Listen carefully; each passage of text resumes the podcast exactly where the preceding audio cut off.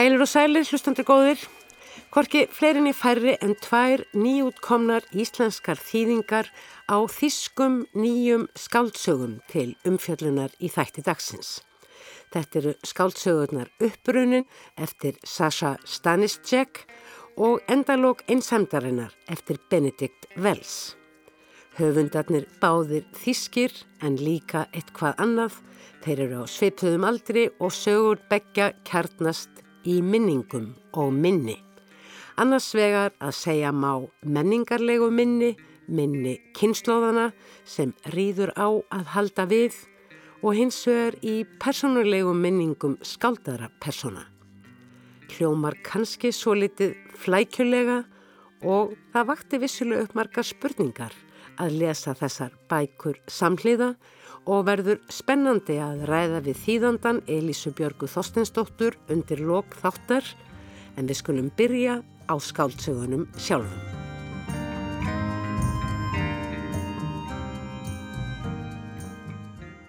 Á síðustu veikum reyndar er annað verkið bara rétt að koma út hafa komið út í íslenskri þýðingu sama þýðandans Elísu Bjarkar Þorstensdóttur tvö þísk skáldverk hvort eftir sinn höfundin.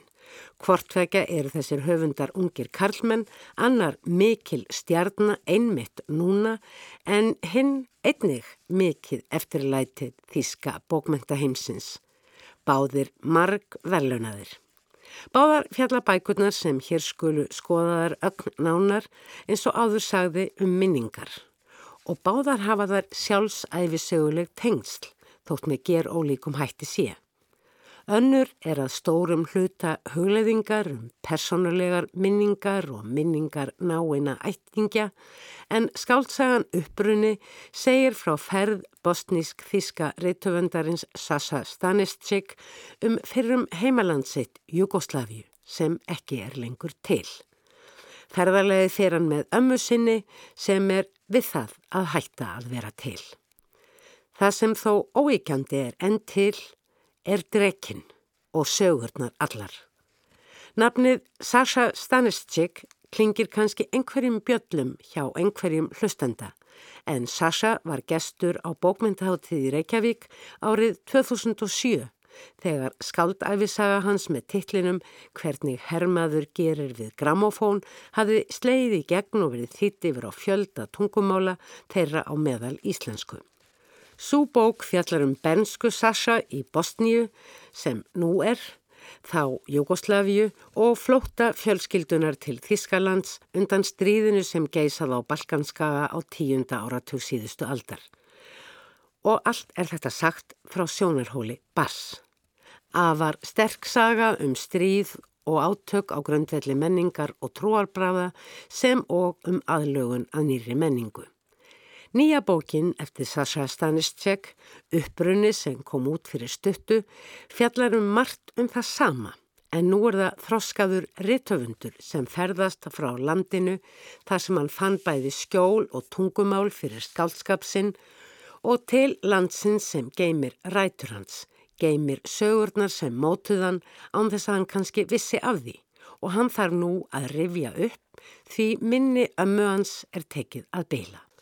Tilgangurinn er að skrá þær sögur sem hann verður áskinja en þó kannski fyrst og fremst að átta sig á og miðla hvað fælst í þessu hugtæki, uppbrunni. Er það staður, landslag, náttúra, atvinnuhættir, tungumál, tjáningamáti, sögur, listir, skálskapur. Samkvæmt sögu Sasha er það kannski allt þetta sem er uppbrunni og gerir þig að því sem þú ert. Nefnilega arfbera alls þessa, hluta af keðju kynnslóðana þar sem stöðugt bætist við eitthvað nýtt í verkvarabúri aðferða við að lifa af. Hinn skáltsagan sem hér umræðir og Elisabjörg Þorstensdóttir hefur einnig þýtt heitir Um endalók einsemdarinnar og er eins og áður sagði eftir Benedikt Wells. Hún fjallar að sömuleiti um það sama og skáltsagan uppurunni en með ger ólíkum hætti.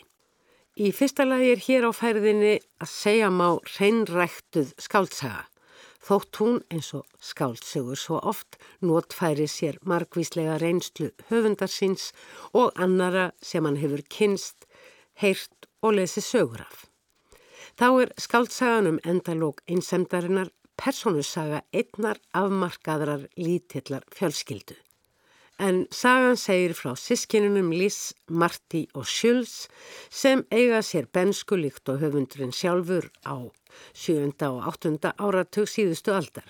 Fjölskyldu aðstæður eru með ágætum, móðurinn þísk, fadurinn franskur, bæði velmentuð og útivinnandi.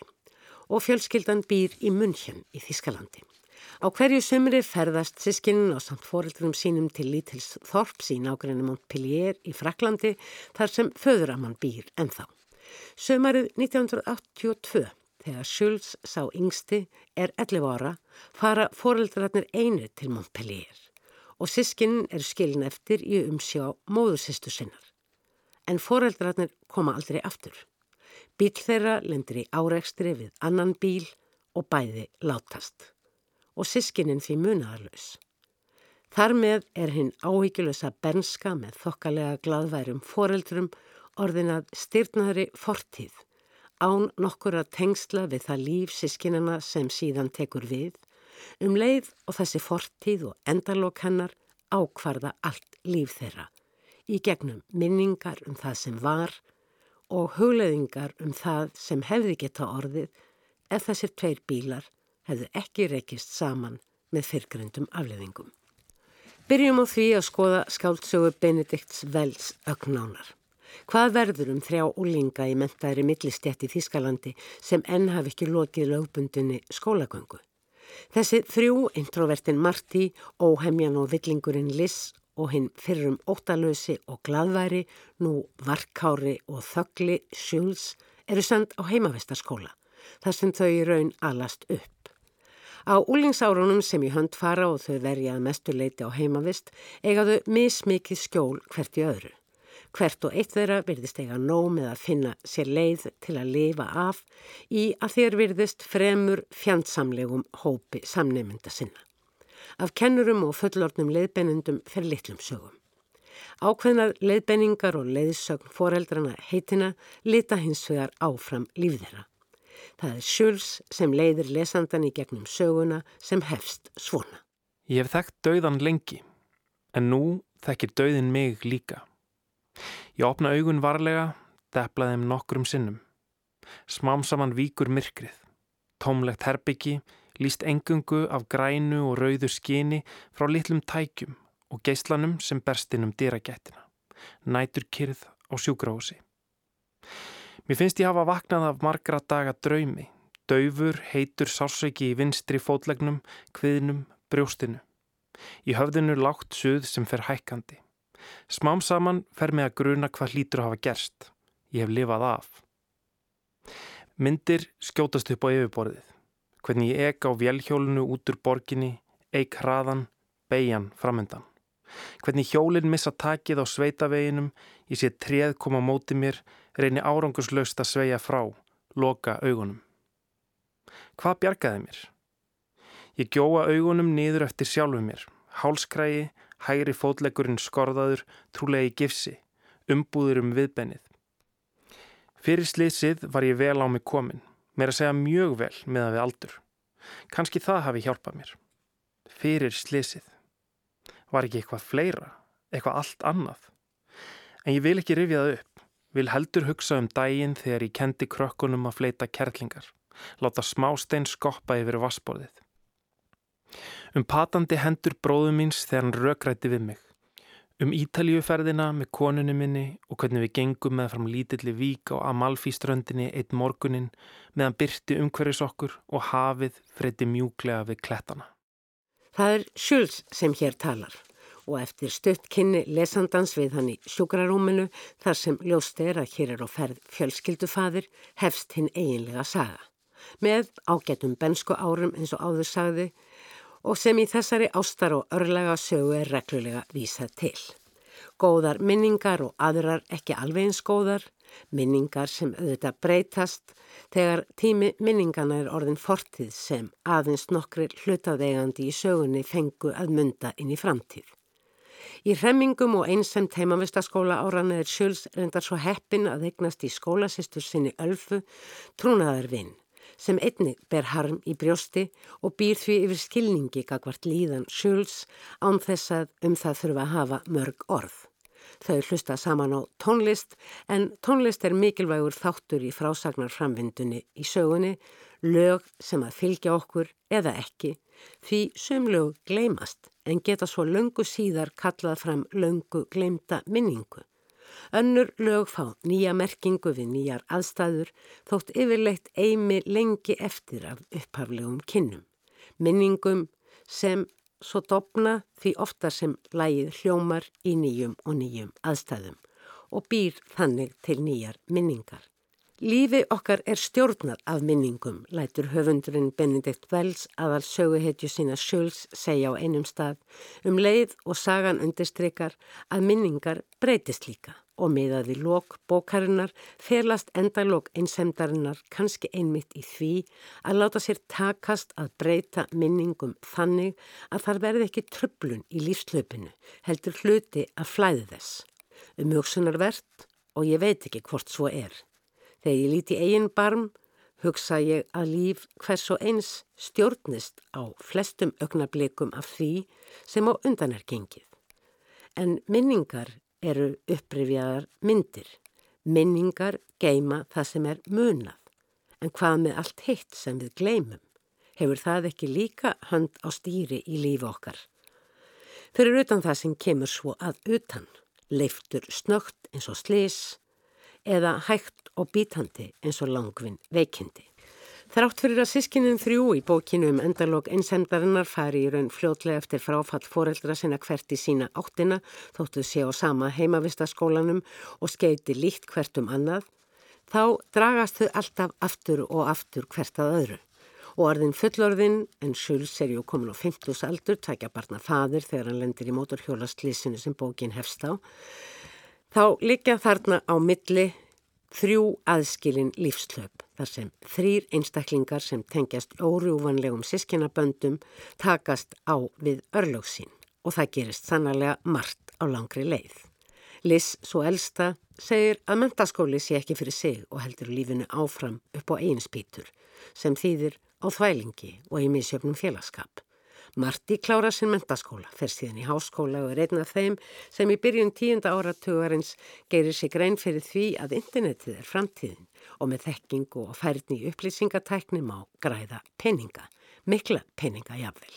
Sjöls tekur líka stúdanspróf en þá dettur hann um eiginlega ekkert í hug. Hann hafði alltaf verið að skrifa sögur, síðar las hann líka mikið af sögum, egnaði sína góðu vinkonu sem þó var aldrei kærastans, Svo bar ég hann bækur og stalst líka til að lesa það sem hann hafi skrifað og kvartan. Sjálf vil vinkonan, Alfa heitur hún jú, helst vera persóna í skáldsögu eftir því sem hún segir. Schultz fylgir skriftunum og skáldskapardraumunum hins vegar ekki eftir, heldur reynir fyrir sér sem ljósmyndari eftir að hafa gefist upp á lögfræðin á mig. Fadir hans hafði á síðustu jólunum sem hann liði gefið honum forláta myndavél, reyndar gamla. Drengurinn, líklega tí ára, hafði sínt lítið þakklæti fyrir þessa gjöf sem í augum föðurins var stór og táknum viðurkenningu hans á hæfileikum drengsins til ljósmyndunar. Eftir lát föðurins er myndavélinn stöðug áminning um föðurinn og hvert hann hefði óskað að leiða sónin. Á endanum fer þó allt á þokkalegasta veg í skáldsögunni um endalók einsemdarinnar. Það munar oft mjóu en og sískininn takast á við ímis áföll, önnur en foreldramissin. Hinn vilt að Liss næra á endanum jafnvel að mentast, einræni Marti eignast eiginkonu og ætli Sjöls hafi ekki á endanum tekist að gera gamlu vinkonu sína hana Ölfu að personu í sögu, jafnvel sögunni um endalók einsemdarinnar. Hinn mikli örlaga vefur sem Bindit Wells fléttar fram í sögu sinnum endalók einsemdarinnar hefur hér aðeins verið rakin að litluleiti. Þar sem eitt af aðalsmerkjum höfundarins og kannski ekki síst ástæðan fyrir vinsaldum hans er spennan sem honum tekst að byggja upp. hvernig lífslaupi sískinana þryggja vindi fram. Benedikt Velsen eins og áður var nefnt nú um stundi stóra stjarnan í þýsku bókmyndalífi. Hann var aðeins 23 ára þegar að fyrsta skáltsaga hans, Becks Letsta Zoma, síðasta sumar Becks, kom út árið 2008 hjá hennu virta Diogenes forlægi og þar með var hann yngsti höfundurinn á þeim bæ með fastan samning. Ári síðar kom svo næsta skáltsaga Benedikt sem reyndar var fyrsta sagan sem hann skrifaði. Árið 2011 kom svo næsta saga og svo sem hér hefur verið sagt frá um endalokk einsemdarinnar fimm árum síðar og virðist hún í fljótu bræði viðamesta skáltsaga Benedikts Vels. Þá hefur Benedikt sendt frá sér smásagnasafn og nú nýverið kom svo út ný skáltsaga eftir hans, Hard Land, sem gerist vist í bandaríkjónum og er forleginu Diogenes svo í mun að auglýsa nýtt verk þessa stjörnu höfundarsins að stopnið hefur verið sérstök verfsíða með nafni sögunar Hard Land, þar sem horfa maður á stiklu um bókina. Líkt og personur sínar í skáltsögunu um endalóg einsendarinnar var Benedikt Vels alla sína skólagöngu fram að stútensprófi á heimavistaskóla og líkt og persóna Liss kaus hann að taka ekki stútenspróf heldur flytja til Berlínar og fara heldur ekki háskóla. Í Berlín helgaði hann sig skriftunum með ofan grendum og framúr skarandi árangri. Hann hefur hlotið ímsar viðurkenningar fyrir verk sín sem hafa fengið afbraðstóma og náð miklum vinsheldum. Hinn bókin sem nú er tiltölulega nýjútkomin í íslenskri þýðingu Elísu Bjarkar Þorstensdóttur, upprunni eftir Sasa Stanisek, er sög skáltsaga á titilbladinu og vissulega er þetta skáltsaga. En í henni er sögð alvöru saga. Það sem sagt er frá gerðist kannski ekki alveg eins og frásögnin á bladsíðunum segir og einnig það er umfjöldunarefni Sasa Stanisek í þessari litríku frásögn sem leiður fram þetta ótrúlega kvika, óraunverulega og um leið sanna hugtak, uppbruni og lýsir það frá öllum hliðum eins og þeirri hlið sem byrtist þegar leggja þarf á flóta. Þegar lauruglumadurinn ráðlagði móðuminni árið 1992 að láta sér hverfa frá Vítsegrat vegna þess að múslimar myndu bráðlega fá að kenna á því, svaraði hún í því lífi sem ég hefði skrifað fyrir hana á þessa leið. Hver ákvað að ég væri múslimi? Mamma sagði ekkert slíkt og það var skinsamlegt. Hún þakkaði fyrir upplýsingarnar, hún sótti mig til ömmu og pappa í vinnuna á meðan við vorum að pakka niður á hverju þyrtum við helst að halda brunnu fyrstu múslimahúsin til grunna upp í fjöllunum.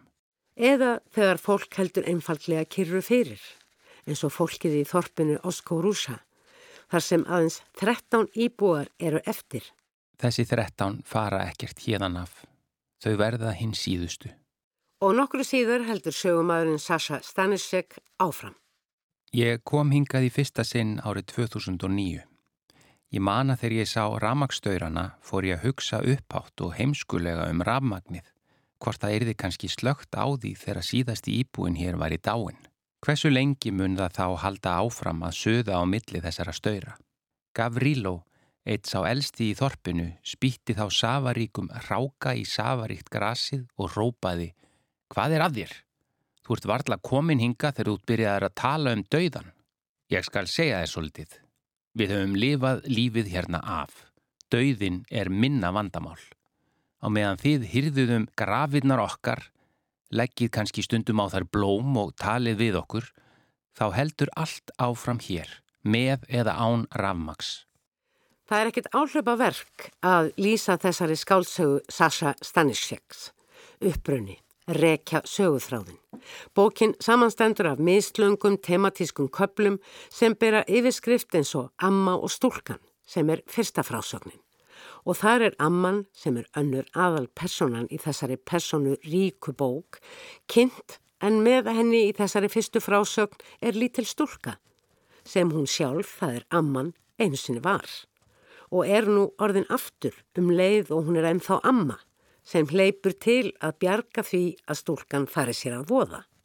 Amma Kristína, móðir föður sögumannsins, býr enn í gamla landinu, í þorpunu Vitsegrad, Bosníu-Hersigóníu, þar sem sögumadur fættist og er ekki lengur Jugosláfi eins og þá. En eiga síður en þá uppaf hans. Þar er hann uppbrunnin. Uppbrunni er það að rökva við þegar einhver í fæðingabæð þínum kallar á þig með nafni. En svo segir í kabla sem fjallar um annað tematist samhengi uppbrunna í þessari sögu.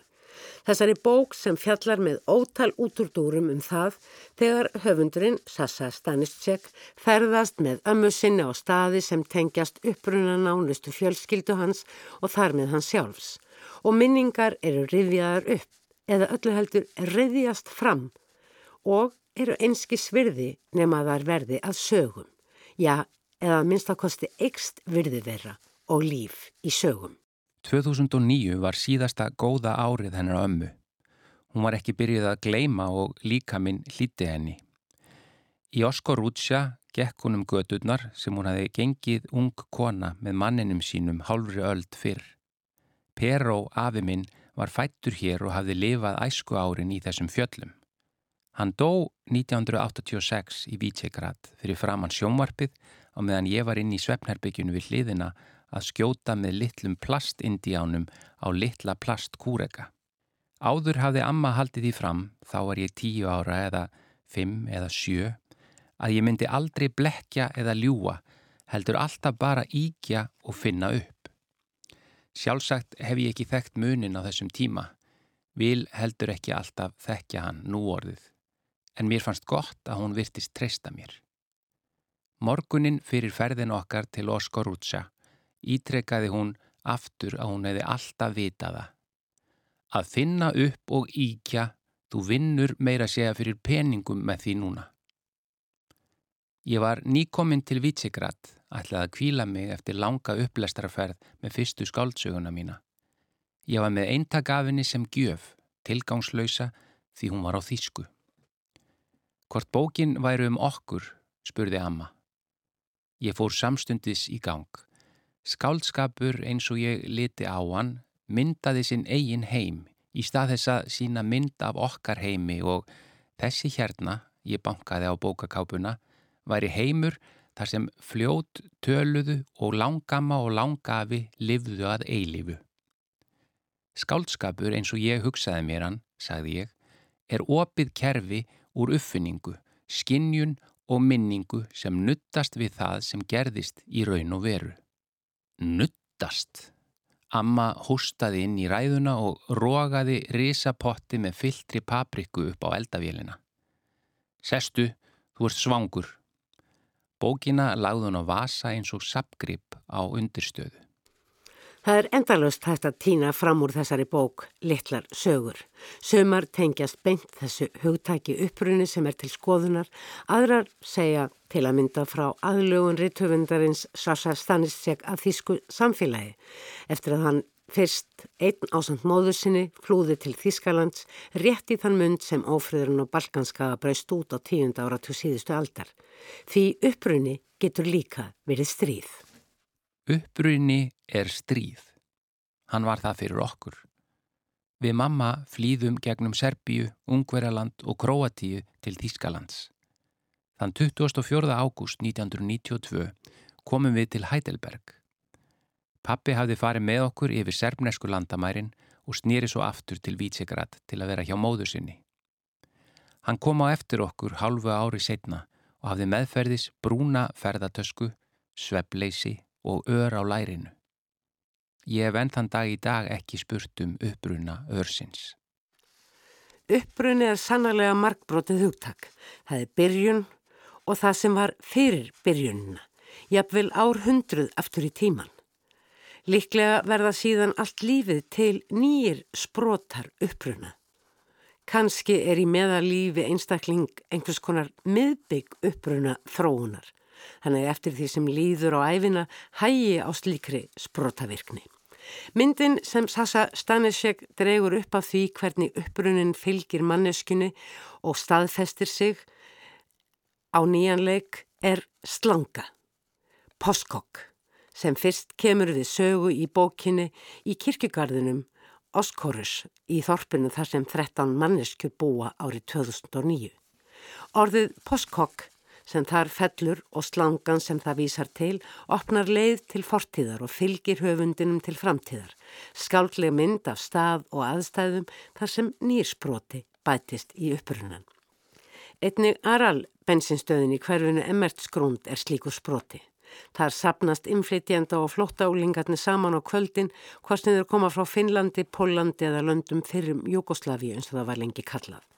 Skáltsagan upprunni eftir Sasa Stanitsig er nefnilega líka personuleg saga fjölskyldu sem leggur sér fram við að lifa í nýju landi. Lifa í nýju umhverfu þar sem ekkert er skeitt um mentun og hæfileika þeirra sem fá fyrir náð og miskun að setjast þar af og flytjast þá jafnvel aftur búferlum líkt og foreldra Sasa gerðu og fengu sér til undrunar störf í samræmi við mentun sína hæfileika og löngun í Flórida.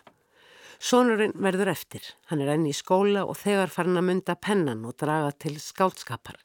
Skriftirnar ordnar hluti af lífi hans og tungumál skálskapar hans er þíska, sem kennari hans í því fæi stiður hann sérstaklega í.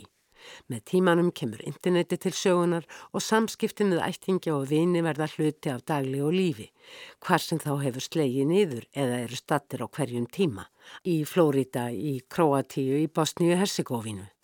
Í síðasta þriðjungi bókarinnar upprunni sem ber yfirskriftina Drekabæli er fjallað um uppruna skálskaparins. Sögurna sem orðið hafa til einmitt vegna búferlaflutninga fólks. Því þegar uppir staðið eru þær kannski helst staður upprunans, breytilegur sem hann er, síkvikur og opinn. Rammið þessa síðasta kabla er síðasta heimsókn höfundarins árið 2018 til ömmunar sem er nú óðum að missa öll tengsl við þið venjulega líf. Sögurnar eru þó enn á sínum stað. Sögurnar sem eiga uppruna í djúpi kynnslóðana og dreifast um heiminn flæða með ströymi fólksins sem ferðast og flytur búfællum en setra líka frá þeim sem halda kyrru fyrir yfir til þeirra sem þanga koma og hlusta. Drekar hafa búið á jörðinni í 5.000 ár. Uppbruna drekana hér um slóðir er að finna í þjóðsagnakendum lendum Kaukasus og Mesopotamíu. Ef ekki hefðu komið til búferðaflutningar undan gengina árþúsunda væru engir drekar á svæðinu umhverfis Oskorútsja. En eins og málum er háttað, heyrið þið þegar þú hefur lagt bílalegubílnum og ert stígin út úr honum með ömmu, öflugan vangja þitt í skíjónum upp yfir ykkur. Hvað var þetta? spyr amma. Af fjöllum aðeins fer nú kvinn um skó, segir þú. Amma geispar og um þig fer hrollur í hjartanu einst. Þú leggur jakkan þinn yfir axlir ömmu, inniljósið í bílnum sloknar og heimurinn með. Þessi síðasti hluti skáldsögunar upprunni eftir Sassa Stanisek er nokkuð sérstakur í samhengi skáldsagna sem ætlaður eru fullatnum. Því hér hefst eigið ævintýri lesandans. Hann á að setja sig í spór höfundarins með aðferðum þins eigin ævintýris sem öll börn á Íslandi þekka og kannski komin tími á að fullornir kynist til líka. Að sínuleiti er höfundurinn búin að undirbúa lesandan undir þessu umskipti ef sá kaus að taka eftir því. Þessi saga byrjar á bónda að nafni Gavrilo. Nei, á rigningarnótt í Vítsigrad. Nei, á elli æri ömmuminni. Nei, þessi saga byrjar á því að það er kynnt undir heiminum með því að bæta við sögum. Bara eina enn bara eina enn. Ég mun byrja nokkrun sinnum og finna nokkra enda, ég þekki sjálfan mig. Án útúrdúra væru sögurna mínar ekki mínar sögur. Útúrdúrin er mín aðferðið að skrifa. My own adventure. Þú ert stattur í hinnum undarlega, drungalega helli tímans. Einn göngin beigja niður á við, önnur liggja upp Þér finnst líklegt að um göngin sem liggja niður kunnur þau að komast í fortíðina og um þau sem stefna upp komist við í framtíðina. Hvora leiðina veluru? Ég á erfitt með að einbita mér. Á bókasafni Háskóla sjúkrahúsins í Eppendorf les ég um elliglöp og slöngueitur. Anspænis mér situr læknastútína með spjaldskrárkort sem áveru myndir af líffærum. Hún ver drjúum tíma í livrina. Gavrilo rétti mér enn einn snafs. Ég býð læknastútínunni Hanúta keks. Hún vill ekkert Hanúta. Það þarf ekki nema agnar smáan kvata, hugmynd um hugmynd til að yfirgefa það sem er að verða til í aðalmálinu. Minningu hér, þjóðsögu þar, hinum einn eitt óglemt orð. Poskokk. Auka atriðið öðlast vægi. Fer fljótlega að virðast ómissandi. Slangan horfir úr trénu sínu niður á mig og úr bensku minni inn í mig. Hið óglemta orð, hinn merkingalegi ótti. Ég vel göngin sem liggja niður. Ég er strax orðin 30 árum yngri, strákur í Vítsegrat. Það er sumar fyrir stríðið á nýjunda áratugnum sem dreymir órólega drauma. Pappi og mamma dansa. Música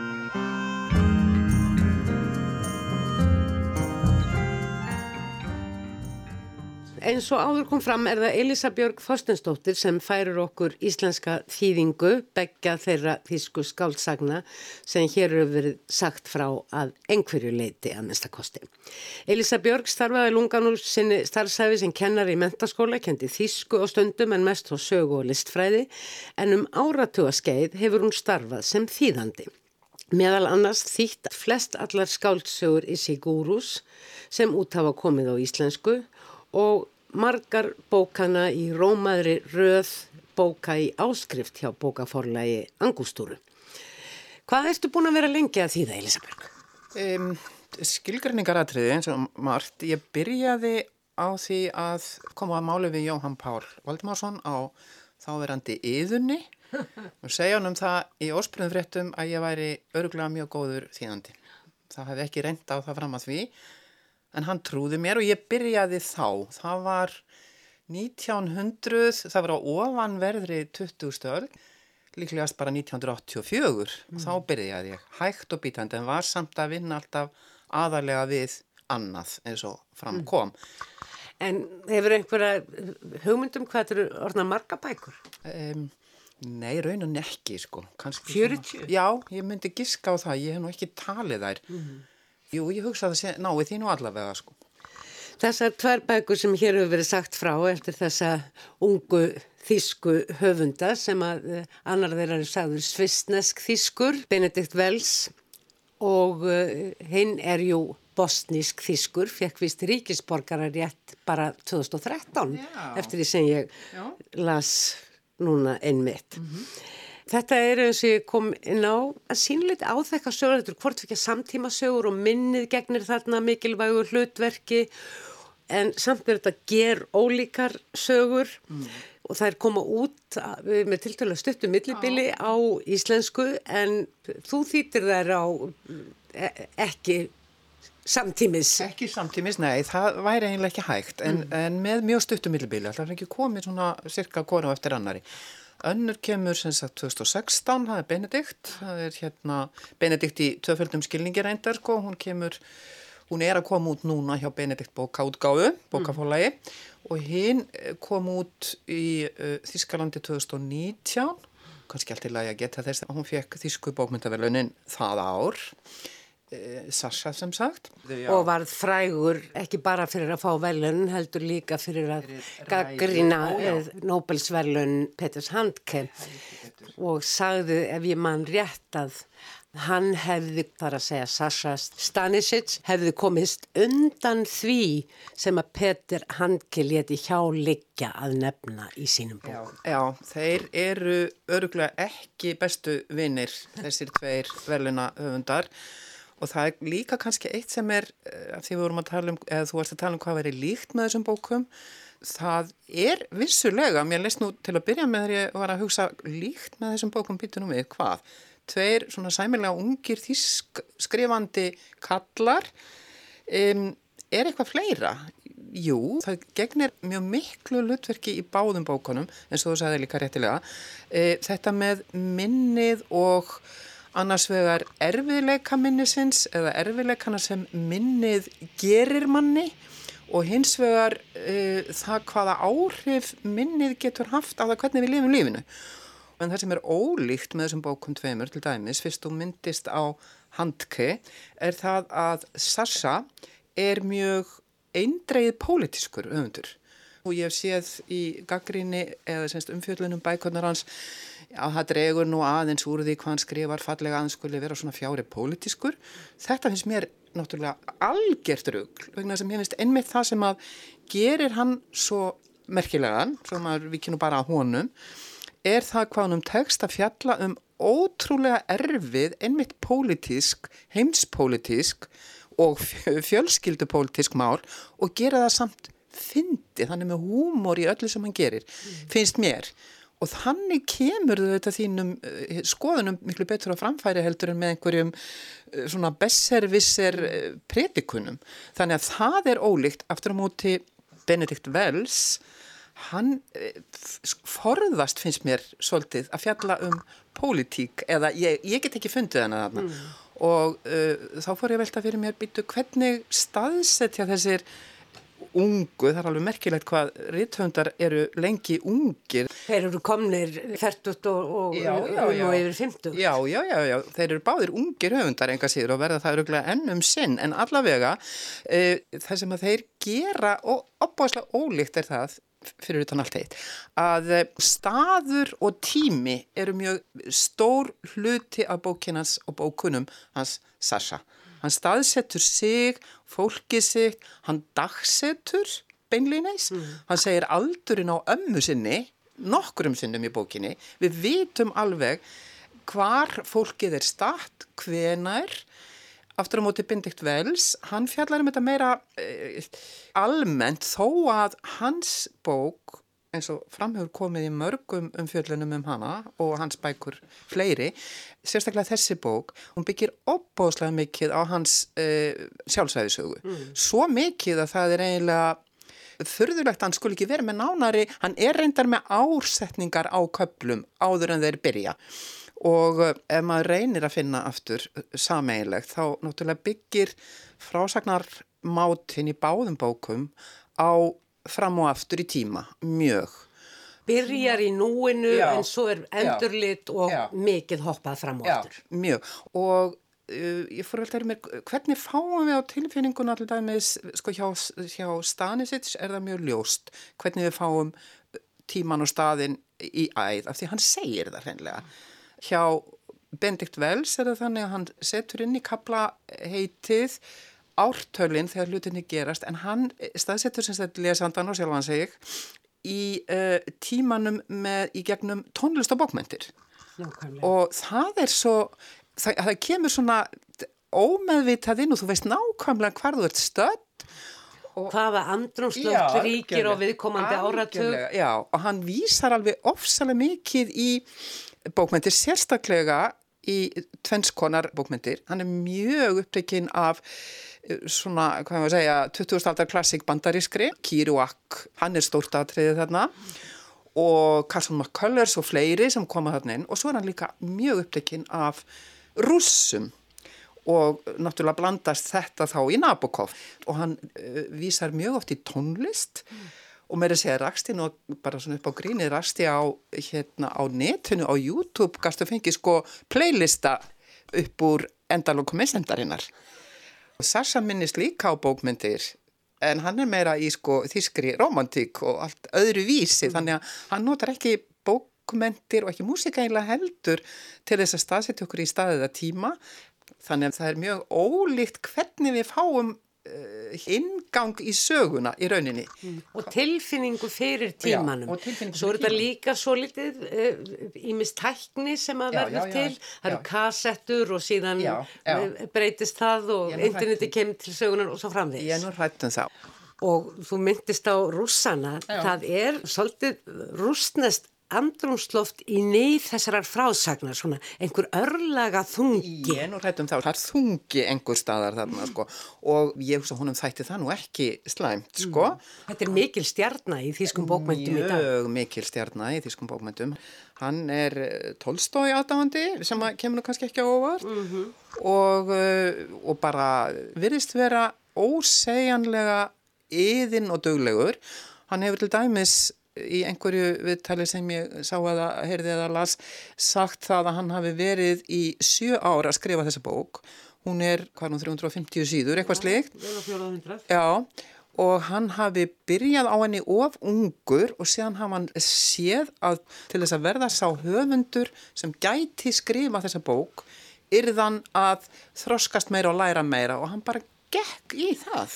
Og svo varðan þessi höfundur mm. og skrifaði þessa bók og ég múi til með að koma hérna að af því að eina af útbreytum klísjum er þetta, já, við gerum nú ekki upp á milli barnan okkar, mér þykir ég vænt um allar bækunnar mínar. Mm. Hann hefur sagt, þetta er mín bók, þetta er mikilvægasta bókin mín. Ég veit ekki hvort þá eftir að breytast, já. en ég hef lesið þessa, þennan, já, þetta hef ég lesið haft eftir honum. Mm -hmm. En já, ef maður veltir aðeins fyrir sér líku og ólíku með þessum tveimur ungu köllum. E, líkt er það að þeir eru báðir e, þó að það sem er misdramatískum hætti kannski af blönduðum uppruna. Mm. þannig að Stanisic er e, móður hans er muslimi, pappans er, er hérna bosníuserbi og það vita nú um sig hvernig þau samskipti á heimsvísu gáttu farið. Þess vegna þurft hann að flýja Aftur á móti er Bendikt Vels, hann er, það er nú ekki eins eitrublanda kannski, en hann er svislendingur í móðurætt og þjóðvergi í föðurætt og ekki bara engurja föðurætt, heldur er hann svonar svonur eh, mannsanabni Baldur von Schirach sem að var einn höfupörinn í Hitlersæskunni á sínum tíma mm. og talandum pólitíst og að Sassa er pólitískur höfundur finnst mér, og Benedikt Wells er það ekki í því sem hann skrifar endilega en hann er pólitískur að þvíleitinu til að hann hefur gefið út yfirlýsingu um það af hverju hann skipt um nafn. Hann ætti í raun og veru að heita von Schirach sem er gömul aðalsætt. Og ekki bara það uh, heldur líka ætt eh, sem eru mikil tengst við skáldskap margir rittundur í þeirri. Um já, já. Föður bróður hans er, gott ef hann hefur ekki verið þýttur og íslensku, ég það ekki, hann heiti Ferdinand von Schirach mm. og er sko krimmahöndur þykir nokkuð uh, lungin sko. Og já enn eitt af því að maður er nú að reyna að finna líkt og ólíkt það er fleira líkt með þeim heldur en maður heldur í fyrstu. Mm. það sem er hins vegar grundvallarlega ólíkt með þessum bókum tveimur, maður ber þær saman það er sem að noti nú bara gæsalappa orð personugallerið vegna þess að í endalokkunum þar eru mjög fáar personur og þær eru mjög nánar og þær eru allar í einhverjum skilningi þess orðs fjölskylda og ef þær eru það ekki blóð fjölskylda til að byrja með þá verða þær það einhvern veginn. Það er mjög lítið af auka personum. Svo er reyndar eitt annað sammeilegt með þessu talandum personur og það eru ömmur. Það er skipt alveg ótrúlega miklu máli með mismunandi hætti. Mm. Sassa býður upp á tver fyrir einn tilbúðanum með tvær ömmur mm en eh, Bendit Wells er bara með eina ömmu og hún er eh, líka ólíkjönda tól eins og ymsir. Og það er ferðast til já, ömmunar já, já. í Fraklandi í sögu Bendit Wells. En það er ferðast með ömmunni Kristínu til dæmis. Og reyndar hinni líka en en ennu móðurömmunni Því það er ferðast inn í framtíðuna því að hún spáur í nýrnabönir. Ég er nú rætt um það. Nena er nefnilega alveg dásanlega persóna líka þá hún mm. komi minna við sögu þarna. Mm. Sko hjá Sarsa eru personurnar svo margar og ég var vörfið það þegar ég var að þýða þetta maður þurfti sko annarslæðið alltaf að fara tilbaka og leita hvort að við komum til persónu hafi þjáð sem einhverjum ákveðnum hætti áður mm. svo var alveg undir hælinlegt að hún sko að persóna sem hafi þó nokkuð vægi á einum stað kæmi nokkuð aftur, hún gæti alveg bara þú veist. En talandi um lokin, síðasti þriðjungur bókarinnar hann er svo litið með öðrum hætti í bókinni upprunni heldur en restin af sögunni. Þannig erum við komin inn í þín eigin saga. Þannig já, já, er já, lesandanum í sjálfsvald sett hvernig hann vill að skáldað verði áfram. En um leið er þetta endalók ömmunar og einhvern veginn kjarnast þarna sagan eða bara skáldskapurinn. Já, má alveg segja það og ekki bara skáld, já, jú, skáldskapur af þessu leiti. Þetta er líka gerir uh, sko, verðskuldað hátt undir höfði, svona sakna hefð og ævintýrum mm. og það er eitthvað sem við ættum nú að skilja að mæta vel, sko. það eru þjóðsögur og það er, uh, það er uh, var ekki lesið eitthvað um slönguna, það er nefnilega doldið merkilegt líka um, slangan og drekarnir, það er sko skrið kvikkind af einsum stærðum og gerðum gegna hana líka hlutverki og sérstaklega náttúrulega drekarnir í lokakablanum mm. sem er ég lefi mér að halda þið fram eitthvað það snjallasta sem ég hef bara lengi lesið þessi fram og aftur þú ræður hvernig fer en þú ræður því samt ekki vegna þess að þetta er ju ekki gagnvirt þú verður að velja um tvo, þrjá möguleika mm. aldrei meira en þú hefur ekki nema takmarka val samt sem áður. Mm. En segðu mér þegar þú varst að þýða þýttur bara blaðsíðu af blaðsíðu, jáfnveg þótt stundum verið sagt að þú ættir að stökka fram á þessa síðu eða hína síðan að þú vildir að, að svara væri með þessum hætti eða hinnum og þurftur þá af sjálfulegir að fara gömgæfilega yfir þannig að það væri samræmi í öllu saman? Ó já, ég þýtti þetta bara beint eins og það kom í bókinni og skrifaði hjá mér hvaða blæðsviðtal þetta væri í frumtakstanum og síðan raðaði upp setjarinn á forlæginu Bjarti þessu upp með snildarlegum hætti og ég held að ég hafi og við í sammenningu höfum farið yfir allavega þrísvar að það stemdi í blæðsviðtalið. Mm. Það var alveg föndur námskeið. Það má náttúrulega engu skeika. Það má engu skeika, nei. En þú klúðurar framhaldinu og þar með endanum ef þú vísar ekki á réttan stað. Mm. En það voru nú aðeins fleiri höfuverkir í uh, þessari bóku upprunni eftir Sasa Stanisic. Þú þurftir að gera sljóða þýðandi þýða eftir Ækjendorf sem að margir íslenskir óperusöngvarar hafa jú sungið ljóð já, eftir. Já, já, ég hugsaði það einmitt með mér, aldrei að vita hann um þetta nýtist eitthvað. Ég hef nú áður þurft að þýða uh, hérna ljóð í, í bókum í til dæmis í Slettúlufinum eftir Hesseður lendi ég í einu ljóði mann ég var og einhver staðar víðar en þetta var óvenju stór skamtur og eh, mikilvægt auðvitað fannst mér að þetta kæmi sæmilega mm. vel út. Ég hef reyndar í einhverjum tilvikum hef ég gefist upp á þýða, þýða ljóð og þá hef ég leitað til Þóranis Eldjátt sem hefur hjálpað mér og hann þýtti meðal annars í uh, einsemdinni þýtti hann uh, nokkra línur úr Rilkeljóði Þórarinn. Mm. af því að ég hafi gefist upp og þá leitar maður til fagmanna Já, já slíkt verður að vera já, já. vandað. Já, já, það verður að vera það. Og á einhverjum ástæðum átti ég auðveldara með eða ekki auðveldara kannski en ég treysti mér frekar í sko, Ækjendorf og, og hérna, Rím og Stöðla og Romantík heldur en í Rilke og það segir kannski meir um mig heldur en þá félaga sko. en allavega Eichendorf er mikil likil maður hjá Stanisic og hann hefur greinlega mikið dálætt á honum og það er svo sem út af fyrir sig alveg skiljanlegt fyrir hérna mann sem er að reyna að fóta sig í Þískaland og Þísku landslægi og eitthvað með einn sko. Ækjendorf býr yfir einhverjum alltíðleik. Já, það, hann gerir það nefnilega og ég tók eftir því þegar ég var að kljást við þau kannski er það líka út af, eins og þú segir, sko, söng út af lögunum, mm. en mér fannst ég hafa, mér fannst ég kunna þau öll fyrir. Meira segja ég vel á íslensku, Já, sko. Ég, leik, ég tek það fram líka, eins og maður náttúrulega verður að gera sem sómakær þýðandi. Ég leita og leita og leita hvort það væri til þýðing á einhverju af þessu mm. það reyndist ekki vera. Mm. Og þá bara nekla maður öðana og reynir að gera þetta. Og... Um, Þú heldur alltaf áfram að þýða. Þýðuruðu bara bækur sem þér finnast uh, skemmtilegar og áhugaverðar, tekur ákverðun um það? Eða verða þar einfallega skemmtilegar og áhugaverðar þegar maður að kljást við þær? Ég vel nú kannski ekki endilega, ég hef alveg átt að til að stinga upp á einhverju sem ég hef síðan þýtt en uh, algjörlega reynskilið.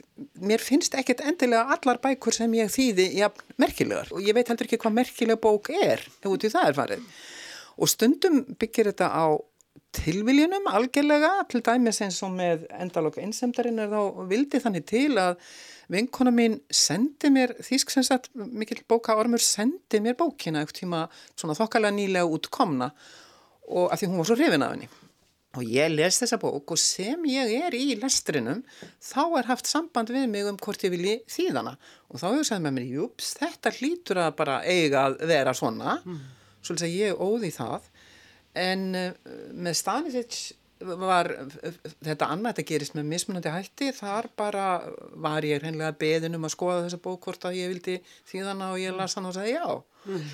þannig að það er ímislegt sko. En að bók verði endilega góð og skemmtilega við það að maður vinni inni ég vildi geti sagt já en það er nú ekkert endilega gefið, ég minna það eru alveg bækur sem á þessum mm. miljón ára ferli sem að ég er ekkert endilega reikin af En það er heitlandi þessi leikur með orðin og það í rauninni að verða alltaf að líka að taka ákförðun Já. um það hvernig þetta skuli vera. Já, það er það. Þú sko, annars væri ég gefin upp ef það væri ekki, já, skemmtilegt eins og það í raun og veru er yfirleitt. Stundum er það bísna erfitt, ég viðkynni það líka alveg og það er kannski erfiðast þegar eru þegar að maður veit að það er verið að vísa í eins og gerist mjög oft í bókum og það gerist í þessum báðum það er verið að vísa í annan bókmyndataksta og ég hugsa, eða þýðandin hugsa með sig já, heyrðu, þetta hef ég lesið, en hver er þetta? Hvað, er þetta til á íslensku? Hvernig fer ég að þessu?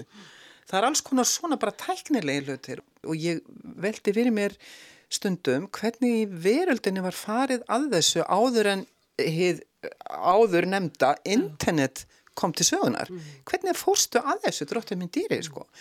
Þetta ávið náttúrulega um mjög marga hluti, ekki bara teksta úr öðrum bókmentum heldur, hinnar á þessar personur, það er annað líka sem að getur verið svolítið strempið, það er hvernig stafsettur þau nöfn, mm. til dæmis nöfn sem eru skrifuð upprunalega á, ég veit ekki, arabísku eða eitthvað, personur sem koma fyrir í teksta, hvernig fer það því, mm. það er alls konar slíkir hlutir og þá verð ég enn einu sinni að skjóta hér inn í lofsorði um annað fólk og það eru þeir aðeila sem maður þarf að leita til til að fá aðstóð við ímislegt, hvort sem það er ljósmyndatækni eða körfubolti eða fisktegundir eða hvaða þið er. Mm.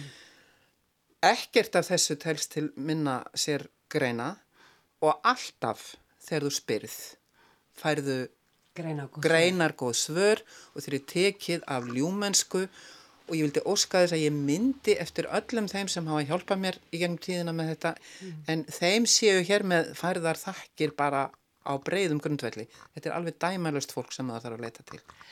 Og uh, ég bara lýsi hér með yfir almennu þakklæti fyrir allar bækurnar sem að þú hefur gefið okkur aðgang að Elisa Björg Þorstinsdóttir. Kæra þakkir. Takk sem er leiðis. Fleiri verða orðum bækur ekki að þessu sinni. Tæknimaður þessa þáttar var Úlfildur Eistensdóttir. Takk fyrir að hlusta. Verði sæl.